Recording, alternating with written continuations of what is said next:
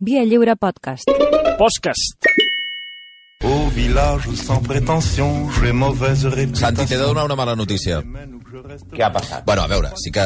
O sigui, la bona notícia és que estàs a Sevilla, que això és una... Vull dir, perfecte. molt bona notícia, això. És una gran... Hola, Malcom Motero, bon dia. Eh, la mala notícia és que és un dia que te'n vas i venen pastes a la No, ràdio. bueno, Sí, és igual. No hi ha diferència. Si, si està aquí jo em penso que està a l'estudi, tampoc arribaria a tocar ni una. És així, és així. Home, per celebrar una miqueta resultats d'audiència, ja està. Sí, està. El Xavi, què pensen tots? S'ha aixecat aquest matí i ha dit, mira, Sí, sí, sí. compraré patatetes. El Malcom també. Bueno, en fi, va, què aneu, què, avui de què va això? Avui, mira, avui va de... Te'n la setmana passada vam parlar de- d'un Felip, que, eh, que era aquest de Échale guindes al pavo, que Sí. deia la meva àvia, Felip d'Edimburg. El d'avui també es diu Felip, però no pateixis, no és l'actual, que encara no, no li toca el tot. Però no es queda curt. És més, supera a Felip d'Edimburg per golejada. I és que estem parlant, per començar, d'un Felip que era rei de veritat, no només un consort. Un home que va ser el monarca més important del seu temps. I com deia aquell anunci que recordaran els nostres oients de l'EGB de Lorenzo Lamas, que era el rei de les cames, Sí, senyor. eh, a més, a més eh, eh, al seu costat, el pobre Felip d'Edimburg, que mira que va moure el llom pel món, era verge, Però bueno, verge. heu de mirar la foto, perquè, o sigui, la foto, la imatge, perquè guapo, guapo no era, eh? Aquest tio movia molt el llom, però heu de mirar la imatge perquè veieu que això, el que es diu capital eròtic, no en té. No, així com el pis de Felip d'Edimburg, que era un tio així molt ben plantat, el nostre personatge d'avui no. Però fi- fixeu-vos que els historiadors, encara dia d'avui, es barallen per saber quants fills va engendrar el nostre protagonista d'avui. I atenció, que la xifra que Ai. crea més consens entre tots és la de 46 No, home. No, home, no. Ah, 46. 46. No en la mateixa dona, Xavi, eh? Bueno, evidentment que no és la mateixa No amb dona. la mateixa dona, però amb la mateixa titola. Va! diguem. Home, per favor. Té més. Ai, ostres, tu. Mira, 15 d'aquests fills, 15, els va tenir, en, uh, diguem-ne, legalment en, en els dos matrimonis que va tenir. Va tenir amb una dona 10 fills i amb la segona dona 5. O sigui, jo tinc amics que han quedat menys, eh? Eh, Te'n queden 11 de fills encara entremig. No, no, en queden 30. Per...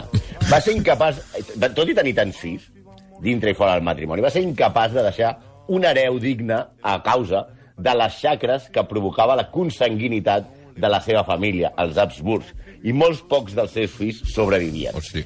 Els seus defensors, que també en té, parlen d'un rei molt culte, i és veritat, perquè més de mig Museu del Prado existeix gràcies a ell, perquè va ser el protector de Velázquez, de, de Rubens, no sé, l'home, el, el rei del segle d'or espanyol.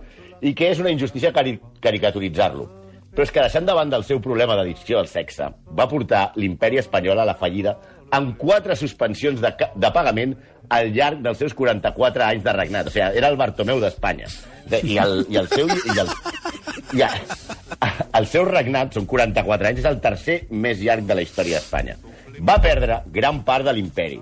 Li van muntar processos independentistes, però no només els catalans, que això, diguem-ne, qualsevol... que això entra dintre de les normes del joc, sinó també se li van independ... intentar independitzar, atenció, els andalusos, els aragonesos, els portuguesos, que ho van aconseguir, Nàpols, Sicília i els Països Baixos.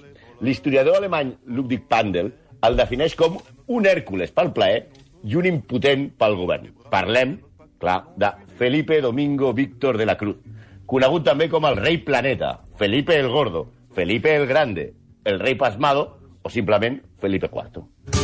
y dame explicaciones que no me quedo con mi pesadez. Eh? Bueno, per, per fi, veus que posem música bona. I per què posem Duquem de Porboleries? Perquè, aviam, no us penseu que això de governar fatal és una cosa que va fer ell tot solet. No, no, no. Va comptar amb una ajuda inestimable d'un senyor que es deia Gaspar de Guzmán, el conde duque de Olivares. Hombre. Clar, conde duque, per això hem posat les boleries de Duquende, que, és, que es diu Juan Rafael Cortés Santiago, i a més és de Sabadell. Hombre, Eh, no sabies això, eh? Hombre. Si el rei ja era Ja ho té bastant... tot pagat. Ja ho té tot pagat. Sí que vinga, hi ha unes pastes. Serà l'únic en aquesta casa que ho té tot pagat. pues, si deien ja que, que, que el rei era un, era un, era un, era un tros d'inútil, pues, amb aquest tàndem, amb el duque Olivares, ja es fan imbatibles. Olivares tenia dues obsessions. Que la cort fos un exemple, un exemple de, de virtut i que a, a tot el regne s'imposessin les lleis i costums de Castella. A veure, a la primera tasca, la, de, que La de la virtut, no? L'exemple de virtut va fracassar perquè el rei es passa... És molt difícil intentar-ho si el rei d'Espanya es passa més estona amb els pantalons baixats que posats. Va, favor. És complicada la cosa. Tot i que va imposar una manera de vestir molt continguda, aquests trajos negres, eh, a l'espanyola, li deien, a la, a la manera de la corte espanyola, i va prohibir, va intentar prohibir la prostitució sense cap èxit. Sí, sí. I en, I en la segona tasca, aquesta, la d'exportar les lleis castellanes, va xocar amb tothom, especialment a Catalunya, ja sabeu, donant origen a la revolta dels segadors el 1640, Sí, senyor. fet que va provocar anys de guerres i que Pau Claris proclamés la República Catalana. Però també la noblesa aragonesa es va revoltar i va proclamar el rei, eh, rei el duc de Íjar. Els portuguesos van fer el mateix amb el duc de Braganza, que va passar a ser Juan de Portugal, iniciant una guerra entre els dos països que duraria 28 anys i que fins i tot el marquès de Ayamonte i el duc de Medina Sidònia van conspirar per tal de que Andalusia marxés en Portugal. Oh, O sigui, això sí que, se't, que, se't, que se't revoltin els barons, no aquesta merda del PSOE. Sí. Aquí tenim, tenim el plan aquí, el conde duque d'Olivares i Felip IV, que eren Pierno d'Olluna, la liaven però anaven perdent batalles. Perdien Pierno batalles a Portugal. Sí, eren Pierno d'Olluna. Era, perdien batalles a Portugal, a França, a les Províncies Unides, que és com, és com es deien els actuals Països Baixos, fins que el rei va decidir, es veia que això no anava bé, i es carrega el tècnic a meitat de temporada, i desterra a Olivares. I on el desterra? A Loeches. Loeches és un poble a 31 quilòmetres de Madrid. És a dir, estem parlant del primer desterrament al que es pot anar amb Rodalies i la T10. Sí, la, la, la veritat és que la, la gestió d'aquesta parella va deixar l'imperi molt tocat. Pel Tractat de Westfàlia es reconeixia la independència de les Províncies Unides. Per la pau dels Pirineus es cedia a França el Rosselló, la meitat de la Cerdanya i tot el que avui es considera la Catalunya Nord. I s'estipulava el casament de Maria Teresa d'Àustria, en aquell moment l'única filla viva i més o menys sana de Felip IV, amb eh, Lluís eh, XIV, amb una dot de 500.000 escuts. I aquí, perdoneu-nos, hem de fer un parèntesi a la nostra història. ai, per favor. Bueno, Bueno, bé, eh, Leonardo aquesta Dantes, eh? bonica cançó de Leonardo Dantes, que encara no Mira, l'havíem tiene nombres mil... Com era això, la cançó? A veure, puja, El puja. miembro viril.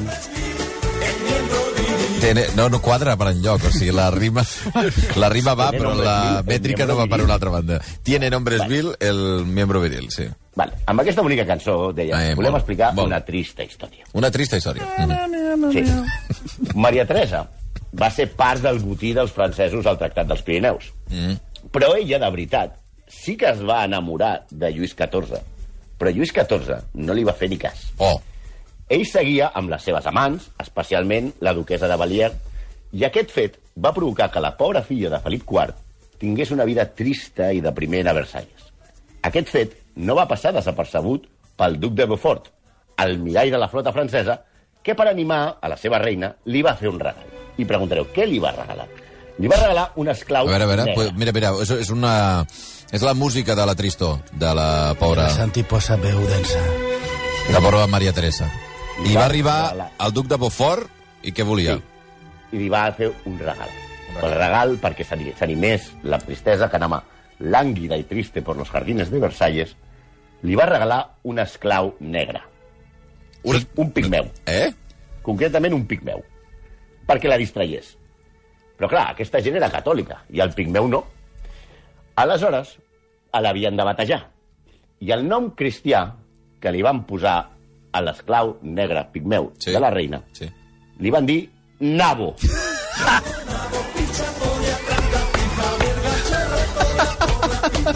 No, això no, és veritat. Sí, és veritat, és veritat. No, Absolutament cert. sí, No ser, de fet tenim un dubte, Xavi, que No, no, que no, que no, que no, que no és veritat, això. Que sí, que li van posar nabo. Que no, que li van posar nabo. Nabo? Nabo.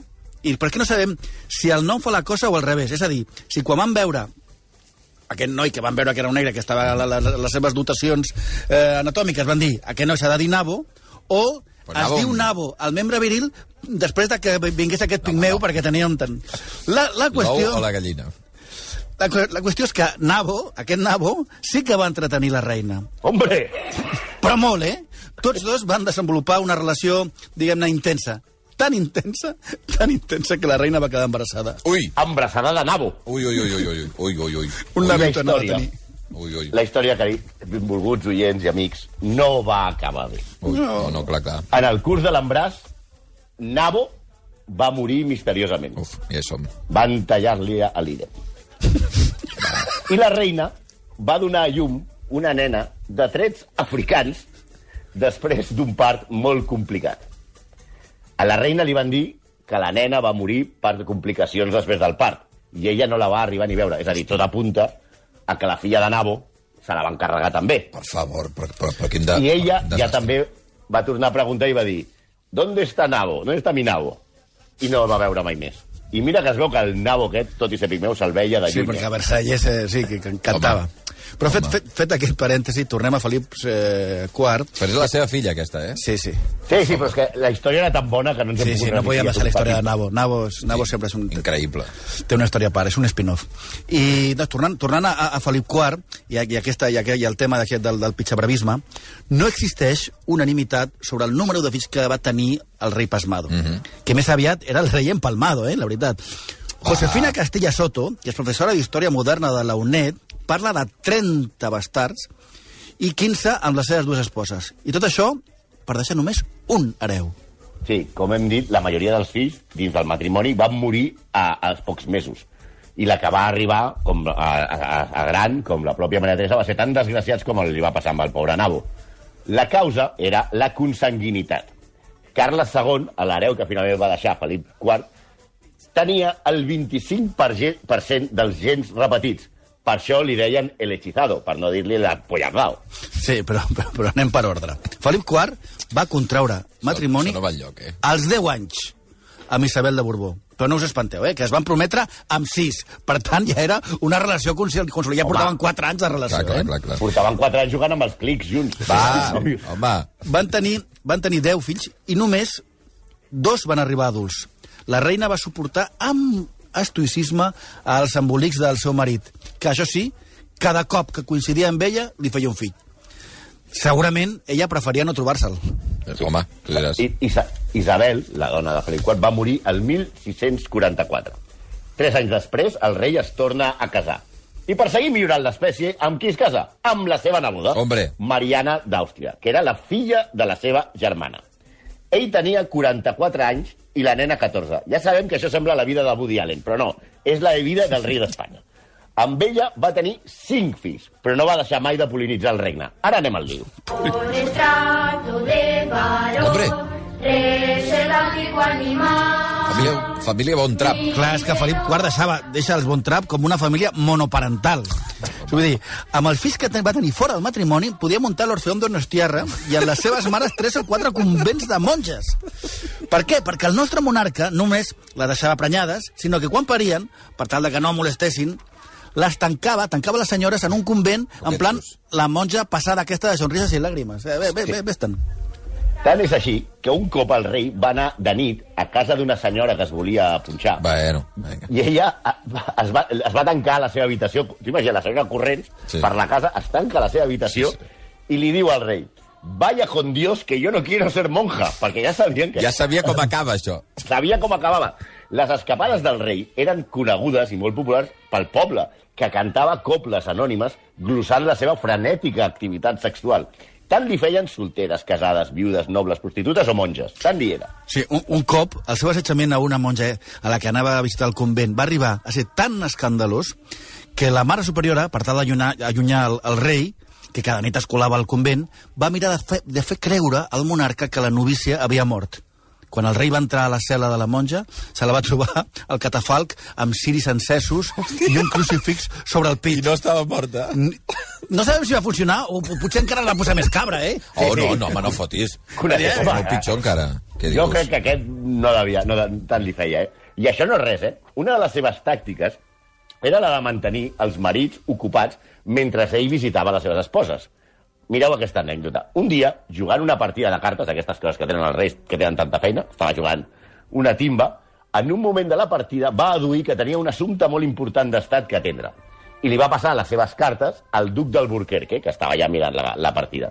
L'assumpte important, òbviament, era la senyora del duc d'Alburquerque, que, com que, que també el duc ho sospitava que aquest s'ha d'anar a punxar. El duc d'Alburquerque també va fingir una indisposició i va passar el seu joc a un altre noble. I va anar corrents a casa seva. Quan va entrar a l'habitació, amb les llums apagades, estava el rei allà amb el ficatreu amb la seva dona. I ell, amb el bastó, va començar a tonyinar l'intrus a les fosques. El conde duque d'Olivares, que estava vigilant a la porta, li va dir «Atures, atures, que està colpejant el rei». Però el duc, que ja ho sabia, encara va pagar-li més flor dient es el colmo de la insolencia que un ladrón se haga pasar por su majestad. Està bastant ben resolt per part d'ell. Sí, sí, bastant sí. intel·ligent. Segons els, els historiadors, el conde duque d'Olivares estimulava aquesta inclinació del rei pel sexe per així tenir-lo entretingut i allunyat dels, dels afers d'estats i poder manegar el govern al seu gust. Però per completar el quadre, el rei sentia una terrible angoixa per la seva conducta llibertina i considerava que tots els problemes polítics d'Espanya i les guerres que perdia per tot arreu eren un càstig diví per la seva manera de comportar-se. Estava com un llum, pobret, i amb el Siri, la veritat, sempre encès. Ah, La seva amant favorita, a més d'una actriu molt coneguda, que, va, que, que es va portar a viure al Palau amb ell i que es deia Eufràsia, i no, aquesta no és del poble del meu sogre, va ser una altra actriu, una actriu molt popular aquella època que es deia Maria Inés Calderón, coneguda popularment com la Calderona, que va tenir més d'un enfrontament amb la reina en vida. Durant una festa real a la plaça Mayor, la reina va veure com la Calderona ocupava un balcó més destacat que el seu i va fer que la desallotgessin. El rei, per compensar la seva amant, li va regalar la casa i el balcó, encara es pot visitar a Madrid, si us interessa, està a la plaça Mayor amb la calle Boteros. Amb la Calderona, el rei va tenir un fill bastard, l'únic que va reconèixer. Era Juan José de Àustria, que va presidir 3 anys al govern mentre la seva mare acabava, com els seus dies, al monestir de Valfermoso de les Monjas. Hombre. També la va fer monja. Sí, altres bastards del rei va ser, per exemple, Antonio Enrique de Santo Tomàs, el que, que, que el va tenir amb una dama de companyia de la reina, bueno, també del rei, la veritat, que va acabar sent bisbe de Màlaga, Alonso Antonio de San Martín, que va arribar a ser bisbe d'Oviedo i de Cuenca, Carlos Fernando de Guadix, que va ser canonge de la catedral de Guadix, eh, Juan Cosío, monjo agustí predicador, o Anna Margarida d'Àustria, priora del Real Monestir de l'Encarnació. El que va fer aquest home per les vocacions eclesiàstiques no té preu. Si quan diuen que falta vocació, doncs que tornin a... No, aquest. no, no, no, res, no cal que torni res, no cal que faci res, Segons, aquest senyor. se- segons els estudis del psiquiatre Francisco Alonso Fernández, que ha escrit sobre els Habsburg, obro cita, Felipe IV mos- mostra un comportament de sexe addicte, anònim i promiscu. El psiquiatre es basa en les més de 600 cartes que el rei va escriure a la seva consultora espiritual, perquè tenia consultora espiritual. Era una monja anomenada Maria Jesús de Ágreda, Sor Ágreda, famosa, la senyora per tenir èxtasis místics i l'evitar, te lo juro, Mari, aquesta senyora l'evitava.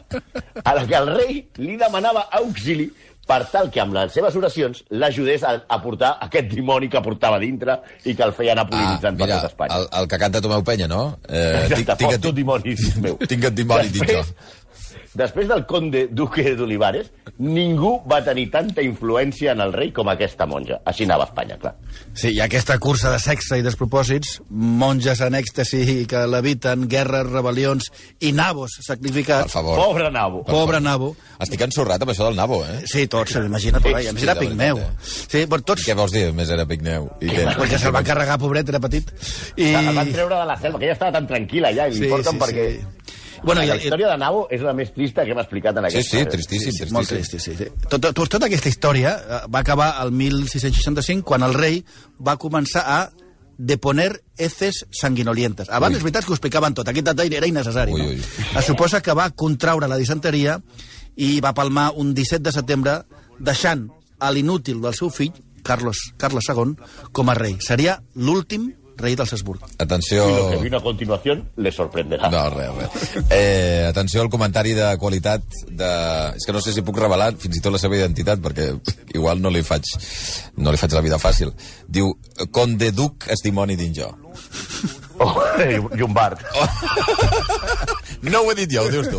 11 i 33 minuts, gràcies Santi, gràcies Malcolm. Vinga, adiós, adiós. Viendra me voir pendu, sauf les aveugles, bien entendu.